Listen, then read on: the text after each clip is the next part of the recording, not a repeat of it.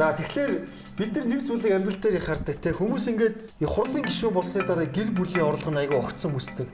Их хурлын гишний гишүүн болсны дараа бизнес нь айгүй амжилттай болдог. Их хурлын гишүүн болсны дараа одоо өөрийнх нь орлого нь өсдөг, үйл хөдлөх нь өсдөг нэг ийм жишг бол өнөөдөр Монголд байдаг. Бодиттой жишээнүүд ярил. Их хурлын гишүүн болохын өмнө 29 сая төгрөгийн орлоготой байсан.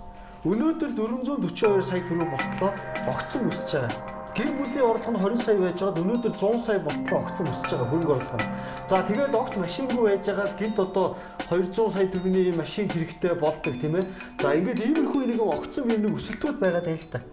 Энэ бүх өсөлтүүдийг шалгадаг их нь алихтай тэмцэх газар байх. Хурлын гишүүдийн хөрөнгө орлогын мэдүүлэг гэж нэг юм юм авдаг. Улсын хурлын ёс зүйн дэд хороо шалгадаг. Их хурлын гишүүн, их хурлын гишүүнээ шалгана гэдэг бол энэ цэвэр ашиг сонирхлын зөрчил юм аа. Тийм учраас үнэхээр шудраг ёсыг тогтоо найдварлыг бууруулна гэж явал нин тэргуунд ерөөсөө өөрсдөө ийм хөрөнгө орлогын мэдүүлгээ шалгуулдаг цэвэр байл гэж. Амьдралын эсрэг хуулийн 13-2 дээр ийм шалгадаг ирэх байхгүй байгаамаа. За тийм учраас ингээд их хурлын гишүүн болоод хөрөнгө орлого нь огцсон өсдөг. Тэрийг нэг хэн шалгах ирэхгүй учраас өнөөдөр нэг ийм нэр төдий ийм хөрөнгө орлогын мэдүүлэгтэй яваад байгаа маа. Энийг цаашаа ухаад хөнгөө хэрэг үүсгэж шалгуул бүх гишүүд ийм байгаа. Зөвхөн энэ хэдийг хэлж байгаа юм биш.